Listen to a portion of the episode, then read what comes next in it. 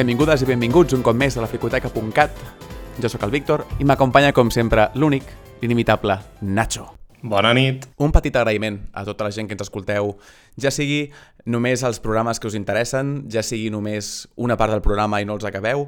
Ens és igual si ens escolteu el dia que s'estrena o ens escolteu després de dues setmanes. Aquí no us direm com ens heu d'escoltar, però gràcies. Una persona que es dedica a escoltar només a partir del minut 35, Exacte. o algo molt concret. O sigui, agafa el podcast i només escolta la part central, el nus, no?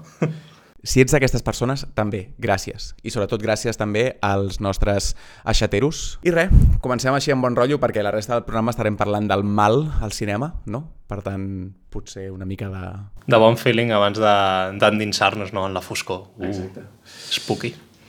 No sé com es dirà el programa encara, no he pensat en el títol, però, però bé, Nacho, ens pots parlar una mica de, de què parlem avui, de quin és el, el centre de la conversa d'avui? Doncs avui parlem de malvats, de tots els tipus, de totes les tipologies, bueno, fascinacions que, que tingueu. Doncs volíem centrar una mica el programa, no? en primer de tot, en què és el, el que considerem que és el mal, no? i per què ens fascina tant, i després entrarem en una sèrie d'exemples de, xulos que bueno, tant el Víctor i a mi ens agrada molt i que hem fet la porra per veure si acabem coincidint o no amb els casos que, que volem comentar.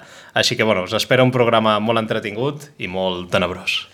Abans de començar, quan parlem de malvats i malvades del cinema, de les sèries, dels còmics, dels videojocs, el que sigui, és el mateix que parlar d'antagonistes o no? Eh, suposo que no, perquè crec que els malvats eh, de per si doncs, sí que tenen com alguna característica fosca, per dir així, és a dir, busquen... Eh, bueno, ja comencem a traduir no, amb els temes que deien de què és el mal, no? Bueno, no sé, pues el contrari a lo, a lo que és el bé. Vinga, ja teniu la definició fàcil i ens anem cap a casa. Suposo que els antagonistes no tenen per què ser malvats de per si, a vegades simplement jo què sé, estic pensant... Ara penso en sèries en Better Call Saul, no? doncs tenim la figura del Sol, que és un advocat, i ja podríem dir un antagonista que és un altre advocat, però que no és malvat, simplement que és com de la competència. No? En la qual a mi sí que m'agrada diferenciar-los una mica. Moltes vegades sí que l'antagonista sol ser malvat, però en altres ocasions simplement doncs, és una persona amb una mentalitat diferent que va en contra del, del prota, no? però no té per què ser doncs, una mala persona. No? no sé si penses igual o, Sí, sí, totalment. I de fet, un altre aclariment que faria seria que avui parlem de malvats potser més humans contra els monstres dels quals parlàvem potser al dia del cinema de monstres. No sé si tu estàs d'acord en això. Sí. Perquè per mi els monstres no són malvats. Els monstres potser fan por i el que vulguis, però no crec que tinguin generalment aquesta idea del mal. Són més aviat això, animals, no? I més erràtics i al final eh, penso, per exemple, en l'Alien, no? La figura de l'Alien m'agrada molt com a, com a disseny de monstre, però no es pot dir que és malvat, perquè el pobre bitxo doncs, simplement és una bèstia que es dedica doncs, a atacar i a menjar. Bueno, però no crec que el pobre xenomorfo, doncs, no sé, busqui ser masqui expressament, o potser sí, no sé, el lore d'Alien no... Doncs encetem el tema amb una mica de filosofia, no? Sempre s'ha dit això de que l'home és dolent per naturalesa, no? L'home és malvat per naturalesa. I a mi sempre ha estat una simplificació que m'ha tret molt de polleguera, perquè trobo que, que no és així però volia preguntar-te tu què penses. Ostres, mira, ara m'aniré a una cosa super com dir-ho, molt deep lore de, de llibres que, que bueno, vam llegir a batxillerat i tal. Recordo el llibre de Terra Baixa i ara diràs, ostres, tu, però què fa aquest tio traient en un podcast de, de cultura popular Terra baixa d'Àngel Guimarà, no? Doncs estic molt loco. Però bueno, no sé per què aquest llibre em va marcar, amb la qual mira, suposo que va valdre la pena la lectura. Bàsicament el llibre analitza que l'home, eh, quan està sol, per dir-ho així, doncs té bondat de per si, no? No és fins que es mescla amb la societat doncs, quan comença a aparèixer els tocs de, de malvat. Jo em crec bastant aquesta definició. No sé, eh, suposo que una persona també, doncs, si se la deixa totalment aïllada de la societat, també se li pot anar la pinza, però habitualment crec que el mal sol aparèixer quan doncs, hi ha les competències, quan vols trepitjar la llibertat de l'altre. L'home, si tu el deixes sol, vagant pel, per la muntanya, pel bosc o per el que sigui, poc, amb, poc mal podrà fer, no? perquè habitualment és cap a una altra persona. No?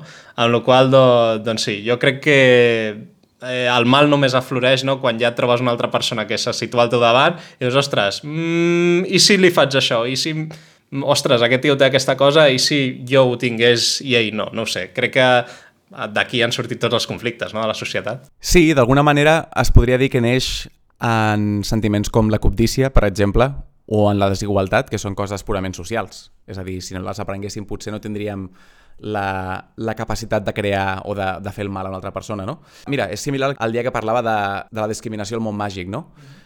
És molt fàcil dir-te Voldemort és dolent, el que no és tan fàcil és veure que la pròpia Molly Weasley, per exemple, és igual de racista que el Voldemort, simplement potser des d'una posició menys nociva, no? o el Hagrid, M'ha deixat descol·locat el fet de comparar Voldemort amb Molly Weasley, no? En plan, dintre del rànquing de villanos de Harry Potter, no? Doncs eh, Dolores Umbridge, Voldemort, eh, eh, la Bellatrix Lestrange, Molly Weasley, txan, txan, txan. Bé, però és que d'alguna manera la Molly Weasley se'ns presenta com un personatge adorable, però hi ha una línia en el segon llibre, em sembla que és, que el Ron diu la meva mare sempre ha volgut un elf domèstic. Per tant, bàsicament és la meva mare sempre ha volgut un esclau. D'alguna manera... I més recordo que, bueno, era potser més el pare, no? Que era com que col·leccionava utensilis de, dels muggles, però era com si, com, o sigui, com qui col·lecciona algú com d'un animal, no? És a dir, ho tractaven com una raça inferior. En fi, bueno, ja teniu el programa del Víctor on no explaia més, però a vegades sí, Harry Potter té unes perles importants. Però que diuen molt de la persona que ho escriu, crec, i de la concepció que hi ha darrere del bé i del mal, no?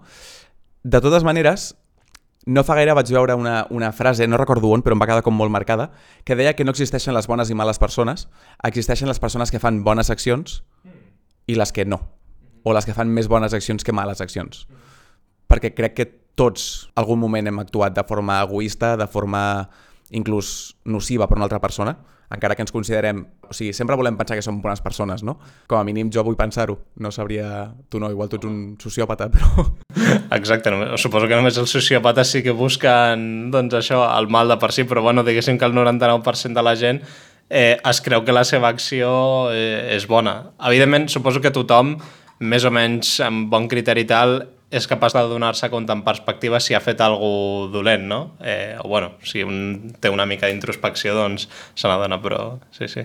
Tots volem pensar que som bones persones, tots volem creure que fem més bé que mal en el món, tot i així ens fascina el mal.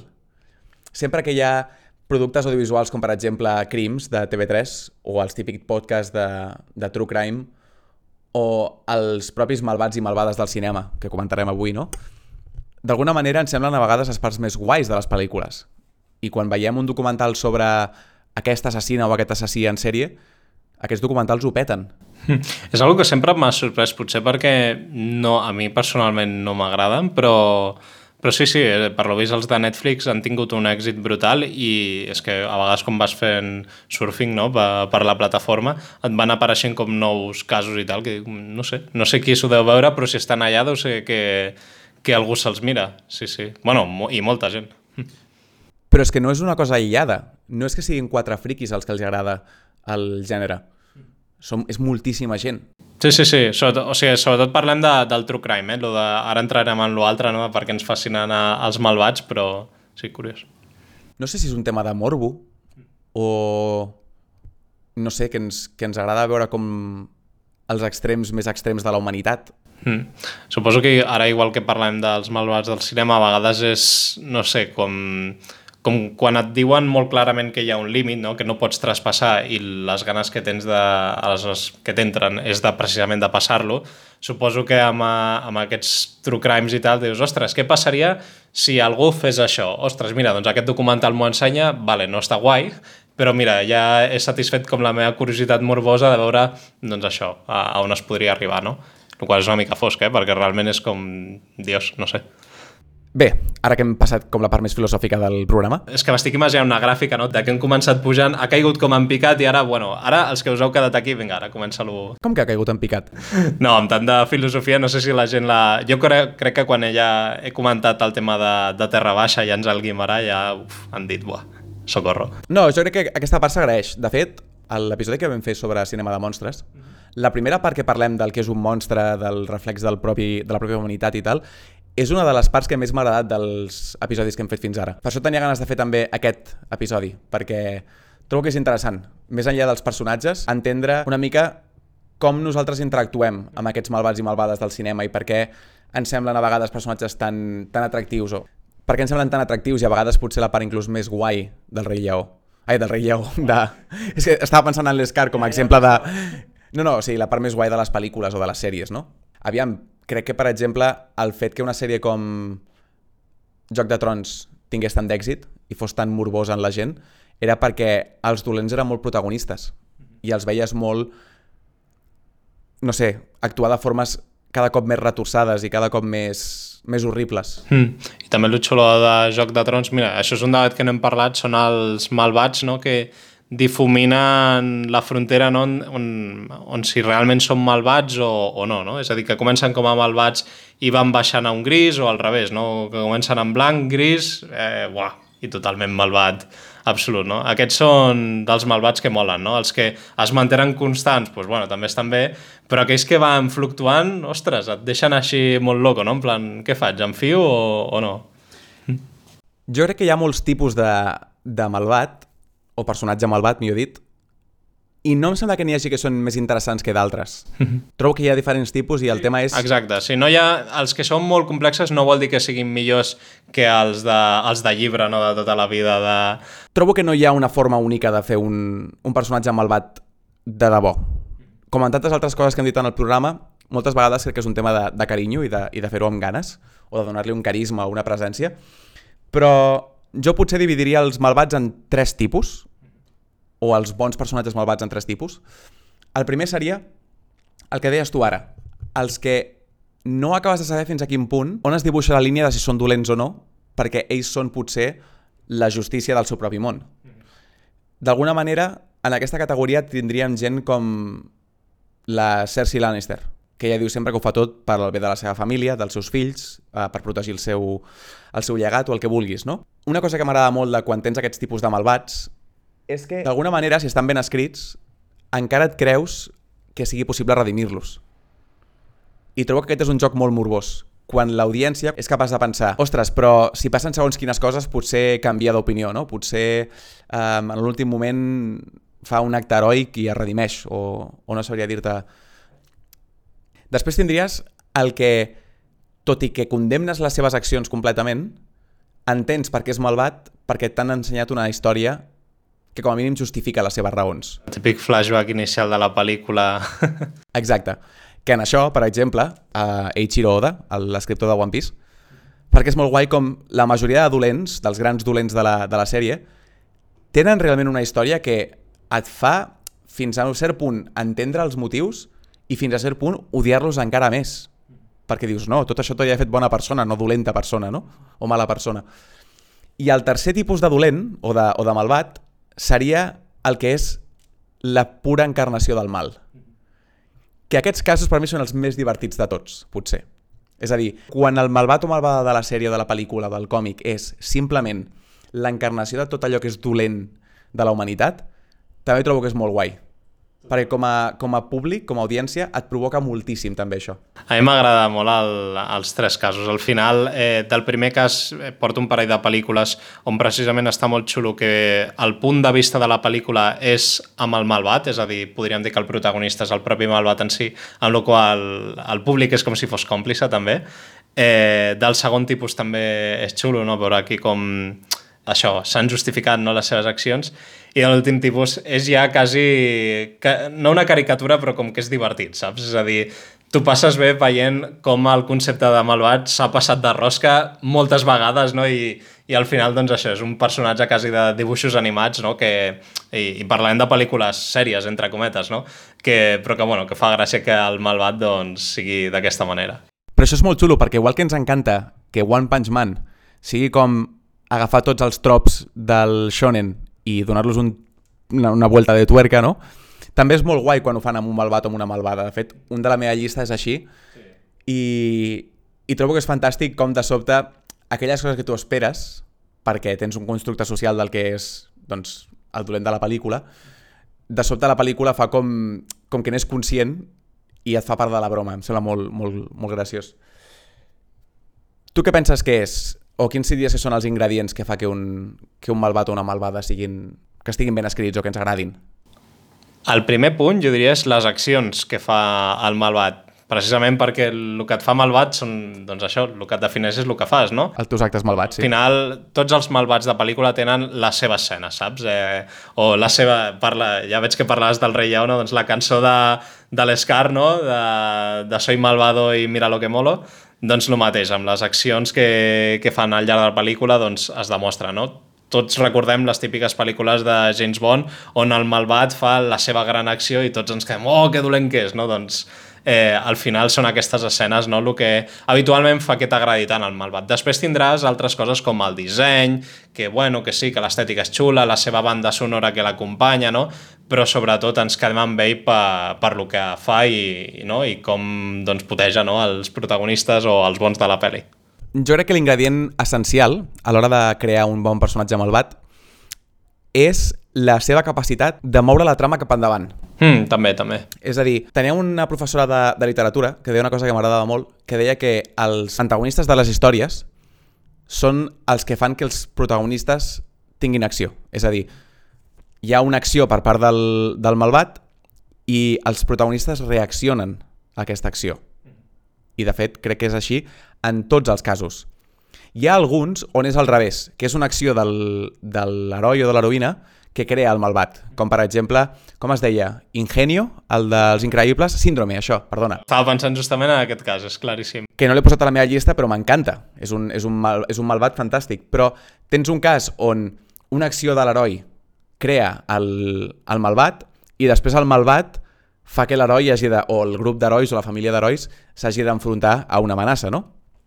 Mm -hmm. Doncs és això, o sigui, un personatge malvat ha de fer que la història avanci, ha de fer que la història progressi, ha de posar un conflicte al davant del protagonista o de la protagonista que sigui, ens ha de donar una bona raó per la qual la història es mogui cap endavant i nosaltres tinguem com alguna cosa com, com que sentim que ens hi juguem alguna cosa també com a audiència. Estava pensant en grans pel·lícules del cinema, no? on la trama hagi avançat sense que hi hagi un malvat darrere, però és que si et pares a, a rascar, al final podríem dir que el malvat doncs, és el govern, la situació socioeconòmica, no sé, costa molt trobar pel·lícules on no hi hagi un malvat definit i on la pel·lícula vagi d'això, d'un camí de, de l'heroi no? on, on el protagonista faci accions. Home, si et paures a pensar i busques una pel·li superintimista, molt drama personal i tal, vale, potser no hi ha un malvat, però a les típiques eh, blockbuster, etc etc, sempre acaba venir la figura no? eh, on poder doncs, tirar tot lo dolent no?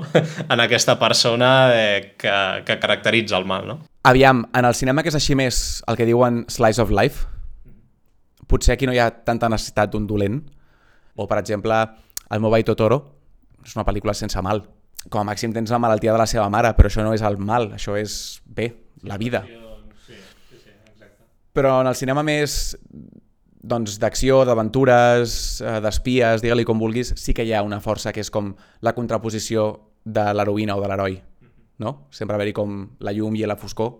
Però bueno, si et sembla podem passar una mica com els nostres exemples de, malvats i malvades que ho han fet bé o que ens agrada com ho han fet o pel que sigui trobem que són dignes de, de comentar. Per tant, si vols, comença tu amb la teva primera opció.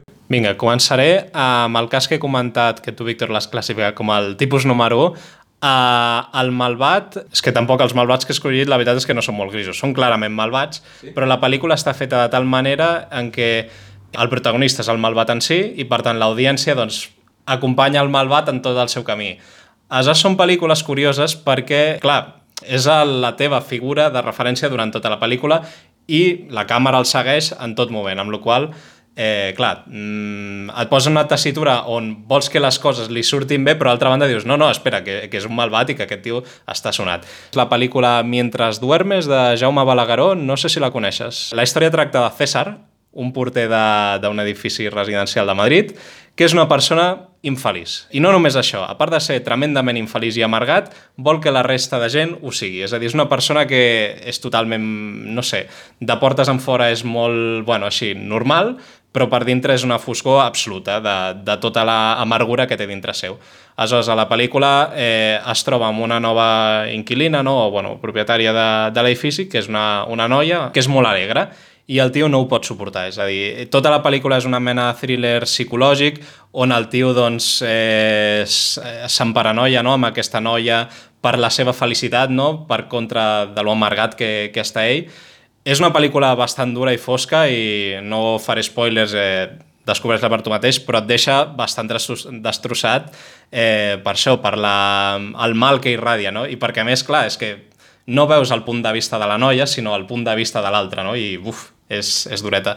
La meva primera elecció, i és la que em penso que potser tenim en comú, és el professor de música de Whiplash. Ah, uh, molt bona. No l'havia pensat, però, ostres, molt bona elecció. Sí, sí, m'agrada. La pel·lícula, per mi, no sé si estaries d'acord, és un thriller en molts sentits. Sí. Bé, tens aquesta persona que és un professor barra conductor d'orquestra de jazz i a priori tu al principi el veus i és simplement una persona que vol l'excel·lència en la seva banda i prou, no vol res més que l'excel·lència i no permet res que no sigui l'excel·lència. El que passa és que la pel·lícula juga molt amb els teus sentiments i amb la forma que tens de veure aquest personatge. De tant en tant l'entens, de tant en tant l'odies molt fort i em sembla un personatge fascinant perquè l'odi que és capaç de despertar en, en l'espectadora o en l'espectador trobo que és un mal molt humà, potser és dels més humans o dels més reals que tinc a la meva llista, però potser és això el que el fa tan preocupant o el que el fa tan, tan aterrador. El fet que crec que podem reconèixer gent en aquest personatge, podem reconèixer gent molt real de la nostra vida en aquest personatge. Mm. És el típic cas maquiavèlic no? de el fi justifica els mitjans. aquest home l'únic que li interessa és l'excel·lència. A més, se li ha de sumar un punt, que clar, a la pel·lícula ell no ho diu, però és la realitat, que és una persona que, que directament és un cabron, és un capullo. És a dir, vale, et pot importar molt l'excel·lència, però hi ha altres camins. No, ell escull l'excel·lència a través del dolor. Eh, pf, mira, podien entrar en debats filosòfics que sí, a partir del dolor doncs és quan un evoluciona, no? I es, escolta, mira, deixant d'aquestes paranoies, el, el que fa aquest home, el pobre protagonista, eh, és directament tortura psicològica. Però bueno, sí, és un personatge que la veritat enamora, o sigui, ha enamorat a molta gent i hi ha molts debats a internet no, de sobre si les accions d'aquest personatge estan justificades, no? perquè al final és com que, el que deies tu, no? aconseja que el protagonista doncs, evolucioni, però, però bueno, què vols que et digui? Jo no entraria a la seva classe, vamos. Molt bé, la meva segona és de, dels dolents que dic jo xorres, però que em feia gràcia comentar pel concepte perquè és molt boig. Me'n vaig també uns quants anys enrere, pel·lícules de Hitchcock, thrillers. Sempre, a mi personalment m'han encantat. Eh, sé que potser han envellit algú, algú malament alguns conceptes i tal. Hi ha una pel·lícula on els malvats és molt boig el concepte i són ocells. Ocells, simplement ocells malvats. O sigui, no sé en què estava pensant el Hitchcock, però ole els seus ous, perquè el concepte és divertidíssim. És a dir, simplement, ara potser sé que havien dit que no parlarien de monstres, però em feia molta il·lusió parlar aquesta pel·lícula, com aconseguir agafar una cosa tan quotidiana com un ocell i fer que sigui el malvat de la pel·lícula, o sigui, és molt, molt graciós i també bastant terrorífic, en, en realitat. És una pel·lícula que això mescla thriller, fins i tot, jo és que a vegades trobo que és una comèdia, no ho sé, potser no és intencionat o sí, però el simple fet de que una gavina doncs, et faci por perquè se li ha molt la flapa i té molta mania cap a les persones, a més són ocells kamikazes, és a dir, no, no pateixen per la seva vida, només van kill, kill, kill, destruir, destruir, destruir, doncs eh, és molt graciós. És d'aquests malvats que no tenen cap mena de justificació, backstory, no, ocells malvats, punt, ja està tu pots prendre com una plaga, com un càstig diví, o de fet em sembla molt intel·ligent el fet de fer servir els ocells, perquè igual que és molt intel·ligent que Pennywise sigui un pallasso, que és un terror molt, molt comú, hi ha moltíssima gent que té pols ocells. No l'he vist mai sencera, però entenc fins a quin punt pots dir que és eh, una mica comèdia, especialment si la veus avui en dia. Sí. Però sí, sembla interessant. O sigui, encara que no estiguéssim parlant de monstres, aquesta te la, te la perdono. La meva segona opció, poder entraria també en la categoria de monstres, però no m'ho sembla, sincerament, que és el Koba. Saps què és el Koba? Co no, què és? De la segona trilogia del planeta dels simis. Mm, sí, ara sí. El simi que odia els humans, el simi que vol venjança contra els humans. Aquesta trilogia és una que crec que algun dia hauríem de parlar aquí a la Fricoteca, perquè és una trilogia que té com molt poca fama i és boníssima. O sigui, la primera pel·li va passar una mica sense pena ni glòria, blockbuster així ben fet i prou, però la segona i la tercera pel·lícula són espectaculars i no entenc per què no han tingut una mica més de, de ressò.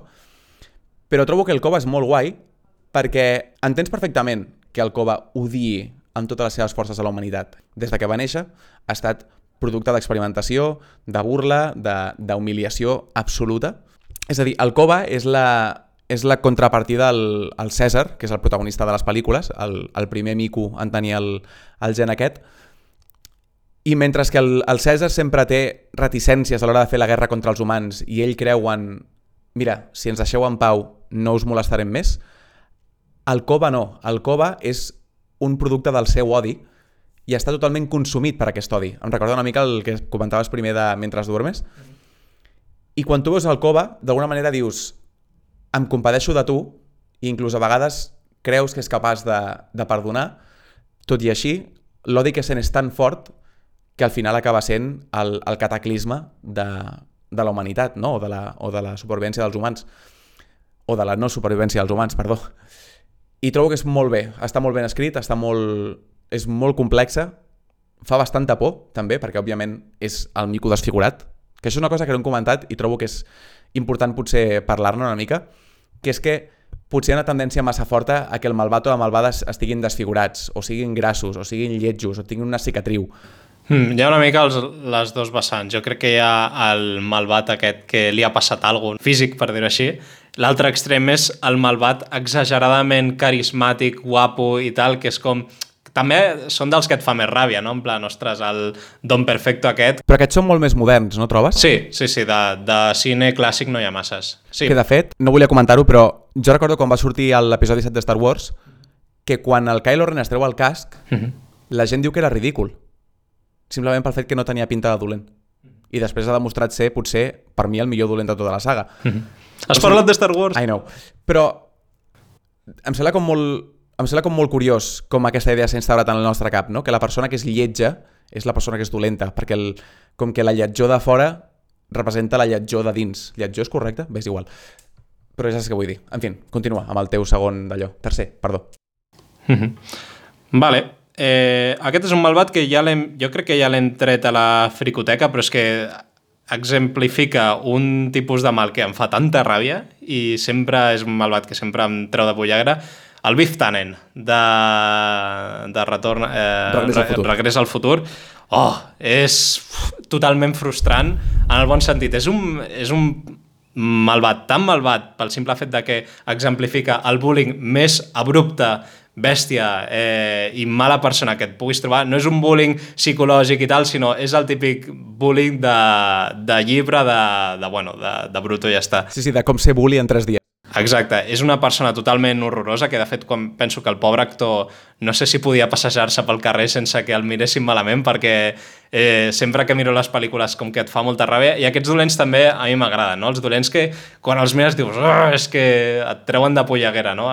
Que són capaços quasi de de notar que et donen ganes no, de, de tirar-te a la televisió no, per anar contra seva. Eh, aquests que et provoquen tant eh, són difícils de veure'ls, però d'altra banda doncs, també és gratificant, no? com la pel·li et fa sentir tant. bueno, no sé, jo potser és una creuada personal que tinc amb aquest personatge, potser perquè de petit quan el veia doncs, em, em frustrava molt, però bueno, és, és graciós. A més, que és un mal que sempre apareix a totes les línies temporals, el qual és un concepte bastant divertit, no? que introduïa el CMX de no, no, aquest personatge que t'hem presentat a la primera pel·lícula, no, hem decidit que es vagi repetint, no? Bueno. És una constant. És un personatge que és realment molt frustrant, estic d'acord amb tu. En la mateixa línia, i no està a la meva llista, però el, el Sensei Chris de, de Cobra Kai mm -hmm. també és una mica similar en aquest sentit, no? Com és tan absolutament impenetrable, d'alguna manera. Però m'ha fet molta gràcia el que has dit de, del tema de la persona que representa aquest personatge. Hi ha una sèrie que a mi m'ha agradat sempre moltíssim, que és una sèrie d'adolescents superidiota, però que m'encanta. Mira, és com una de les sèries de la meva vida, que és One Tree Hill. No l'he vista. Típica sèrie nord-americana d'adolescents que juguen a bàsquet i hi ha bueno, relacions i, i enemics i el que vulguis, no? Però hi ha un personatge que és com l'antagonista o el malvat de la sèrie, que és el pare biològic del protagonista, que el va rebutjar quan era, quan era nen. És un personatge que és maquiavèlic, però és una persona que deia que durant uns anys aquesta sèrie va patar, o sigui, va patar molt fort als Estats Units. I ell deia que no podia sortir de casa sense que pel carrer l'insultessin. Que dius, uah, que fort, no? I això li va passar també a l'actor del el Geoffrey Baratheon. Sí, sí, sí és curiosa, com la gent se li va la pinça i és incapaç de discernir entre realitat i ficció i, i és una pena perquè, en veritat, els actors estan fent una feina boníssima, és a dir, s'ha d'aplaudir amb les orelles perquè el que han fet és espectacular, que et tinguin tanta mania, o sigui, em sap greu per ells, però realment es pot dir que és com una medalla, no? que haurien de portar amb orgull en plan, mira el que he aconseguit, que fins i tot doncs, la gent és incapaç de veure que sóc un personatge de ficció. És senyal... Però fa pena que realment eh, la gent se, es torni tan boja i enviï cartes i coses així. Total. Uh, per cert, si us agrada molt el tema dels, dels malvats i aquestes coses, i de les, no sé, trames eh, així com sobreretorçades i tal, hi ha un autor que es diu uh, Joe Abercrombie, que és un autor de fantasia. No el de la roba No. Abercrombie. Joe Abercrombie és un, és un autor d'un gènere que en diuen Grim Dark, ai, perdona, Grim Fantasy, que és com fantasia una mica tocada de l'ala. I té uns llibres que són la primera, la primera llei, es diuen... The First Law. Sí, la primera llei. Són increïbles. O sigui, no faré cap mena de spoiler, però tots els personatges els vols odiar. A tots. És a dir, no se'n salva cap. Però d'una forma molt, molt ben escrita i molt, molt xula. Um, la meva següent opció, o següent, eh, següent malvada que he escollit, és la Izma, de les bogeries de l'emperador. M'estava esperant a que la diguessis, sí, sí. Què puc dir de la Izma que no se sàpiga ja? O sigui, em moro de ganes de fer un programa sencer sobre aquesta pel·lícula. La Izma és el cas que deia abans, on tenim aquestes idees de que, del que és el mal i la pel·lícula, sent molt conscient d'aquests trops, el que fa és com girar-los i fer-los com molt conscients, no? La Izma juga amb el concepte de um, el cau del, del dolent, que és ridícul, amb, la, amb les dues palanques, una de les quals és una trampa mortal i l'altra és una muntanya russa que porta al laboratori, amb el fet dels plans tan extremadament retorçats que acaben simplement no funcionant perquè són impossibles, la Izma és, trobo, potser la meva malvada preferida de tots els temps, però perquè és que em pixo de riure amb ella i la trobo, no sé, excel·lent. Sempre dic, i el dia que parlem de la pel·lícula parlarem de l'escena de, de l'aniversari al restaurant, que és que no puc pensar en aquesta escena sense... Um, no sé, trobo que és tot tan un sense sentit, però que alhora funciona tan bé en si mateix. I, clar, tota la pel·lícula de les bogeries de l'emperador funciona trencant la quarta paret. I la pròpia malvada, que és la Izma, és una constant trencar la quarta paret i ser com autoconscient de la seva broma. Un bon malvat és equivalent a una bona pel·lícula molts cops i en aquest cas no hi hauria pel·lícula sense el paper de la Izma i el seu sidekick, el Kronk, òbviament. És que és el que anava a dir, és a dir, si ja per si la Izma és molt bon personatge, a sobre l'acompanya el Kronk, no? El, el típic segundo de, de bordo, no? Que tantes pel·lícules doncs se'n riuen, no? Eh, en aquest cas és espectacular, un tio que és a més pura bondat al final perquè el pobre, no el recordo que la pel·lícula fes cap acció dolenta, simplement és un tio que bueno, la- l'acompanya, que és com una mena de guardaespolles Un cop més és com agafar la idea i retorçar-la, perquè és com agafar el Igor i en comptes de fer-lo baixet, japerut, lleig i retorçat, el fan guapo, forçut, alt, simpàtic, bon cuiner. I és com... Com a concepte em sembla meravellós. De fet, de debò, o sigui, algun dia farem un programa sobre aquesta pel·lícula. Si us plau, mireu-la perquè és de les més oblidades de Disney i em sembla potser de les millors de la, de la companyia. I de veritat, la pel·lícula ho val moltíssim. I la Izma és... Mua. Doncs jo per fer aquest programa relevant ara, setembre de 2022, volia parlar del Senyor dels Anells amb l'encarnació del mal. Aquí jo sí que... No m'ho diguis. Els fans tòxics són l'encarnació del mal. Exacte. D'acord. També, també. Mira, és veritat, és...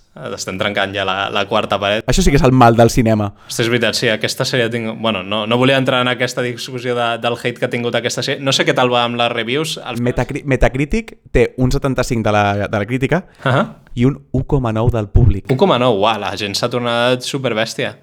Sé que havia tingut bastant review bombing. És que també fa pena que en aquestes sèries de tan famoses vegis que la gràfica de review sigui una C. Sí. Eh, un muntó de 10 o un muntó de zeros. A veure, si us plau, posa'm un 5, un 6, un 7, un 4 per creure-m'ho més, perquè si no... Jo puc entendre que una persona que godeix de la sèrie i veu la llau d'odi vulgui sobrecompensar amb un 10. Jo ho faria. Sí, sí, però per això que al final fa, bueno, fa que les pàgines aquestes de reviews no valguin la pena i al final, pues, bueno, jutgis tu mateix. Mira, ja que Bueno, parlem jo el de... que faig és mirar només al costat de la crítica. Perquè l'altre sé que està basat en opinions polítiques i en opinions de puta merda, per tant és com fora. Perdona, continua. No, Senyor no, dels res, Anells? anava anava a dir això, que, que ja he vist el, el primer cap i m'ha agradat, però sí, sí. Molt bé. Bueno, let's see how it goes. Però anaves a parlar d'un malvat de... Ok. Anava a parlar de, per mi, la... Anca... No? Els gossos de... No és el Gollum? No, No? No, bueno, el Gollum també trobo que és un molt bon malvat. De fet, sí, té més profunditat del que parlaré. Jo volia parlar del Sauron. Bàsicament, encarnació del mal absolut. És a dir, ja hem parlat de sí, de malvats que tenen un costat fosc. No, no, aquí purament és mal i punt. És a dir, és el concepte i ja està. De fet, m'agrada molt que a les pel·lícules no quedi gens clar sobre si hi ha una figura humana darrere del Sauron i ja bàsicament doncs, bueno, hagi quedat reduït en un únic ull. En els llibres sí que està més clarament definit que hi ha un, un hechicero, no? un sí, nigromant no? a, la, a la torre. Un fatiller, oh, que molt bona. Eh, un fatiller a la torre doncs, que coordina l'ull, però bueno, la, a la pel·lícula simplement es limita amb l'ull del mal i punt. Eh, I em sembla doncs, això curiós, no? al final doncs, un malvat que hagi cautivat tant a la, a la gent quan simplement és que és el més simple que et puguis trobar un llibre, és a dir, tu descriveixes el Sauron simplement, doncs això, eh, dos punts, eh, mal, punt, ja està, no, no fa res més a, al llarg de la saga, a part de doncs, això, tenir els seus exèrcits, intentar dominar el món i ja està. És super simple, però d'altra banda és quasi cautivador, no? perquè al final doncs és el que acaba movent tot el que és la gran trilogia de, del Senyor dels Anells. De fet, el Senyor dels Anells, eh, bueno, es podria que és el Frodo i el, el Sauron, no?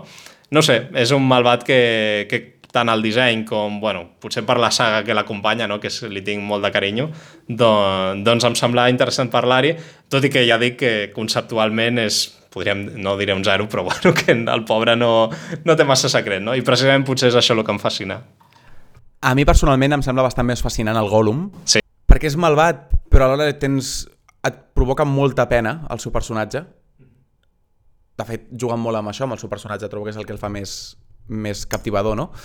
No sé, crec que el, el Gollum potser per mi seria com el, el millor antagonista de la sèrie, sobretot perquè veus el possible futur del Frodo. O, o una mena com de realitat paral·lela dolenta del Frodo o, o en la que es sucumbeix al, al mal. Això és molt interessant, els, els malvats que no deixen de ser el protagonista passat de voltes. És a dir, què hagués passat si el protagonista se li hagués donat una mica la flapa i hagués decidit doncs, passar-se una mica més, no? o cometre un acte que, que saps que no hauria d'haver fet. És, és interessant. Per què? Sempre es parla del Batman, no? Per què el Batman no mata? bueno, almenys no a les pel·lícules del Zack Snyder, perquè se suposa no, que si creu aquesta frontera doncs eh, serà una cosa pitjor, no? bueno, és, és molt interessant aquests, uh, aquests enemics, no, malvats. Aquesta idea de estàs a una acció dolenta de convertir-te en jo, no? Molt bé, el meu següent malvat, o la meva següent malvada, millor dit, és la Yubaba del viatge a Chihiro. No sabia qui escollir de totes les malvades de, de Miyazaki, perquè trobo que gairebé totes estan molt ben escrites, molt, però la Yubaba em sembla molt especial pel fet que al final de la pel·lícula te l'estimes una mica. Doncs és una persona que les circumstàncies han portat a tenir una posició de poder que de tant en tant doncs, no sap molt bé com gestionar-lo perquè té aquesta mena com de, no sé, balneari dels déus i la responsabilitat igual se la menja. Potser ha estat això, no? Potser ha estat un fet de... Té un càrrec tan important, amb tantíssima responsabilitat, que després no és capaç de gestionar-ho i la caga, no? Però, no sé, és una persona a la que fa moltíssima por, que és com, no sé, és la bruixa de la pel·lícula. És com uh, The Wicked Witch of the West, però versió Chihiro, i veus en la Chihiro la seva por i la, la seva forma de, de reaccionar a ella, però després, quan la Chihiro està traient la merda del, del balneari, la Yubaba no deixa d'ajudar... d'aju- La Yubaba no deixa d'ajudar-la, he dit. Ajudar-la, ajudàva'l. No deixa d'ajudar-la, no? I al final, quan la Chihiro marxa, la Yubaba se n'acomiada com adeu, que vagi bé. Per tant, trobo que és un personatge com molt interessant, amb moltes capes, i dels tantíssims cops que he vist aquesta pel·lícula, perquè saps que em fascina el viatge a Chihiro, encara no he tingut una idea suficientment clara de pensar qui és la Yubaba, quin és el seu interès, què és el que la motiva, on es va equivocar, quan es va separar de la seva germana, perquè al cap i a la fi et presenten a la versió bona de la Yubaba, no?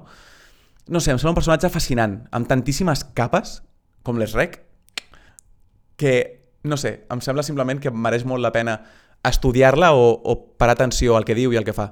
No sé si ho vam parlar quan, var, quan vam parlar del viatge de, de Chihiro, però per mi la Yubaba exemplifica una mica doncs això com el pas de la infància a la vida adulta amb, amb això, amb una figura de poder, no? Quan ets petit i et presenten, doncs, això, un professor o, bueno, una feina, no? Un, bueno, ja no ets tan petit quan agafes una feina laboral, però habitualment, doncs, ostres, et pot impressionar no, aquesta, aquesta persona no, que al final no deixa de ser com el, el teu responsable o, bueno, no sé com dir-ho, no? aquesta persona que et supervisa. A vegades jo tinc el concepte que hi ha certs professors que ens feien com por, no? ens impressionaven per la manera de ser, eh, però un cop eh, et vas fent adult, doncs dius, ostres, no, en veritat era una persona que simplement intentava doncs, gestionar una situació complicada de 30 nens no, hiperactius, o en el cas de la Llubava, no, la seva empresa, i al final clar, la pobra tampoc està per les tonteries de la Chihiro, que és una nena malcriada, no?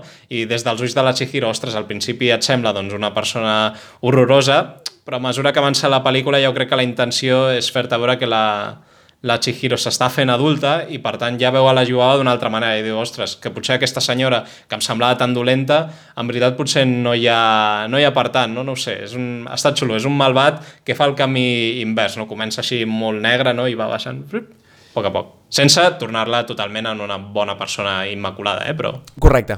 Al final, el que tenim al principi de la pel·lícula, de Chihiro, és una nena a la que no li saben dir que no, una nena malcriada. Per tant, quan la Iubava la rep amb un no directament, no, no tinc feina per tu, dius, uah, que cabrona, perquè tu estàs en el punt de vista de la Chihiro. I potser això és una cosa dolenta, perquè cap i a la fi, aquests, aquests mentors o aquestes mentores que ens semblaven massa exigents, tampoc eren persones de llum, tenien el seu, el seu costat fos, també, segur, però està clar que no eren tan dolents o tan dolentes com ens pensàvem. Sí, m'ha agradat molt el que has fet, la idea aquesta de la Chihiro. Continua, sisplau. Ara ja tiro tot per terra. Eh, després de... queden a cadascun, oi? Sí. sí, jo ja anava a dir l'últim. De fet, estava per ni dir-lo per no indignar-te, però bueno, eh, ara decideixo doncs, tirar-ho tot al terra i carregar-me el programa i parlar de Star Wars. Do it! Do it. Exacte, volia parlar de, del Palpatine, però està dintre la meva llista de dolents, xorra, per dir-ho així, però mira, em feia gràcia i a sobre que quan m'has provocat i has dit que no parlarem de Star Wars, he decidit picar-te. En fi, el Palpatine eh, me l'estimo molt com a malvat, però, però bueno, he de dir que em fa molta gràcia l'evolució que ha tingut aquest personatge al llarg de la saga, que se suposa que és el, el gran malvat de la saga. Tenim a, evidentment tenim a Darth Vader, que és estimat per tothom, però aquí ja potser diria que és més aviat un antagonista, més com malvat, etc etc. El Palpatine és malvat pur i dur. És molt curiós com a la saga doncs, comença a la, podríem dir a la trilogia prequela, amb un pla hipercomplicat, però que li acaba sortint bé, i escolta, acaba sent el, el rei del mambo, que és un pla bastant eh, de l'estil de la Izma. Exacte, o sigui, és un nivell Izma però que li surt bé, no? I emparada del mal. Però jo me l'imagino que és un pla que porta doncs, molts anys preparant, coint-se a poc a poc a foc lent. Després de la trilogia original, el tio ja s'ha confiat i els plans els munta una mica, no en un cap de setmana, però ja notes que el tio comença a improvisar. És a dir, això de passar els plans als rebeldes, dius, home, complicat. Això d'anar a l'estrella de la mort segona, quan ja saps que l'atacaran perquè tens sí, un plan una mica confós no? de convèncer el fill de, del teu empleat no? perquè rebel·li contra el seu pare, dius, home, aquí, no sé, mm, jo de tu no ho faria, però bueno, vale. I ja, a l'última pel·lícula, Rise of Skywalker, notes com el tio a l'última escena va improvisant out of the way, en plan, venga, amb el primer que se li passa pel cap, en plan que ja se li suat totalment tot, eh, bueno, no sé, és, em fa gràcia en el sentit de, de bueno, és un personatge que tots estimem, no? perquè tots ens agrada Star Wars, però a vegades se l'ha d'agafar una mica doncs, amb, amb pinces. Eh, en fi, un disseny divertit, un cascarràbies doncs, amb capa, doncs, bueno, no deixa de ser curiós no? que sigui el gran enemic de la saga, eh, però, però bé. Evidentment jo crec que ens quedem tots amb el Darth Vader com a gran malvat de, de Star Wars. De fet, una cosa curiosa... No, no, per mi Kylo Ren és el, el gran malvat de Star Wars a nivell de la, el personatge més ben escrit, crec. Um, Trobo que la història d'Anakin és increïble. De fet, moltes vegades em fa una mica de ràbia perquè l'Anakin que viu al Mocap i l'Anakin que viu a les pel·lícules són dos Anakins diferents. El del Mocap és meravellós, perquè realment el concepte d'Anakin, és a dir, la seva infància, la seva adolescència horrible, el... Anakin és clarament una víctima de les seves circumstàncies, és un dels que dèiem abans, i clarament juguen amb la idea de, de la redempció, no? Palpatine o, o Darth Sidious és un personatge que em sembla molt curiós perquè no va ser fins l'última pel·lícula, fins l'ascens Skywalker, que em va començar a agradar perquè en aquella pel·lícula em fa por de veritat. És a dir, jo com a mínim el, el que demano, quan, quan un malvat no em donarà com aquesta sensació com de connexió o de voler-lo perdonar, com a mínim vull que em facin molta por. O vull odiar-los, però vull que em despertin com, com emocions molt primitives. I de l'episodi 1 al, al 6, per mi havia fracassat en aquest sentit, personalment. En canvi, en l'episodi 9, el veus amb un nivell de, de descontrol de poder i amb un nivell de coneixement de les arts més fosques, hi ha un moment que per edició de so, per com funciona l'escena i tot, el moment en què simplement es torna boig i tira els rajos contra el cel, jo el primer cop que vaig veure vaig, em vaig cagar. Perquè vaig, va ser com un... D'acord, ara entenc per què el Palpatine és poderós. O sigui que, no, em sembla curiós que l'hagis... Que l'hagis eh... En veritat ho volia fer per xinxar una mica, però... No, no, no, no em xinxa gens, eh? eh al cap i a la fi, Star Wars és molt, és molt cheesy, en molts sentits, i trobo que està bé que el més dolent de la sèrie sigui extremadament cheesy. Trobo que té sentit i funciona bé com a, com a producte, la veritat. doncs mira, la meva última opció és d'una pel·lícula de fa molt poquet. Everything Everywhere All at Once. La estimadíssima Joy Wang. Com és el nom de Gupa Pupu? Eh, el nom de, de malvada que té? No me'n recordo. Buba Chupaca o alguna cosa... Era un nom que, bueno, de fet la pel·lícula es burla d'això i va canviant el nom del malvat cada dos per tres. Un cop més, una pel·lícula del que un dia parlarem i farem un programa sencer, seguríssim, perquè aquesta pel·lícula la vaig veure fa dos mesos i va entrar en el meu top 10 de tota la vida automàticament. Tot alhora i a tot arreu. És una pel·lícula meravellosa de, de multiversos, de drames familiars, d'arts marcials, i el personatge de la Joy Wang és un personatge amb el que et sents profundament connectat, com a mínim jo m'hi vaig sentir, perquè és una mica com... No deixa de ser l'ovella negra de la família, una mica com la decepció dels seus pares o, o ella se, se sent així, com a mínim, o poc estimada o el que sigui, no? I la seva història és fascinant, el, els seus eh, vestits i la seva vestimenta, que és a cada escena diferent, és fascinant. El seu personatge i el seu conflicte té una catarsi emocional com potser cap altre dolent és a dir, no puc pensar en cap altre dolent o cap altre malvat o malvada que tingui un viatge emocional tan poderós i un moment o un final tan catàrsic com el d'aquest personatge. I a més, que la catarsi la vivim quan el personatge està en forma de roca, que és com, com encara més al·lucinant. Um, però de veritat, és a dir, no vull fer gaire spoiler perquè és una pel·lícula molt nova i molta gent no l'ha vista encara, si podeu, mireu-la perquè de veritat és fantàstica. Suposo que tu ja estàs d'acord. -hmm. Sí, sí, no, i a més totalment el fet de que el conflicte en si... La pel·lícula va de multiversos i lluites kung fu, però en realitat, ho has passat a puntetes, realment és, un, és una pel·lícula, podríem dir, de drama familiar, no? I això està xulo perquè moltes vegades ens centrem en conflictes del mal molt apoteòsics, no? de, de governs, de lluites i tal, però el, el, no diria el mal, no? però moltes vegades les situacions que em fan patir doncs a vegades són coses de, de molt poca cosa, d'això, conflictes familiars, no? o temes que si ho mires en la gran perspectiva de l'univers en realitat és res, però bueno, que, que tot fan mal no? i et fan patir. No? I aquesta pel·lícula jo crec que ho exemplifica molt bé, no? el gran podríem dir conflicte dimensional no? eh, versus una relació entre una mare i una filla, no? És, és molt xulo, no? Com van jugant amb les dues coses. Una pel·lícula que per mi demostra que no és veritat el que diu la gent que Hollywood ja no innova. Cert que hi ha una part molt, molt gran representada per Marvel i, i, i Star Wars i tal, però trobo que encara hi ha molta gent fent productes que valen molt la pena, com ara, per exemple, quan estem fent pel·lícules com Swiss Army Man o recentment eh, Bullet Train, que em va semblar mm. fantàstica, també, però fantàstica. I no sé, trobo que fa molta justícia el fet de hi ha un motiu pel qual m'he convertit en l'ésser més poderós i més tenebrós de tot, el, de tot, de tot del multivers, per dir una manera, però tot i així sóc curable, sóc redimible. Que en aquest sentit em recorda una mica Kylo Ren i el seu viatge al final, no? Però sí, trobo que... I mira el que deia abans, eh? que m'agraden més els dolents i malvats que són simplement l'essència del mal i a la meva llista no n'hi ha cap d'aquests. Perquè alhora també m'agrada veure un personatge ben escrit i vull poder sentir certa empatia per aquest personatge, no sé. Però bueno, ja està, jo no tinc res més a dir. Doncs esperem que us hagi agradat el programa, esperem que hagi valgut la pena no sé, passar pels 15 minuts primers de, de filosofia barata. Si ens voleu comentar per xarxes socials qui són els vostres malvats i malvades preferits, si esteu d'acord amb les nostres eleccions o si, no sé, us ha vingut de gust virar alguna de les pel·lícules que hem comentat, ens ho podeu dir per Twitter, a la barra baixa fricoteca. I bé, no sé si tens alguna cosa a dir, Nacho. Bueno, que tingueu molt bona setmana, molt bon mes i molt bon any. I fins a propera. A reveure! A reveure!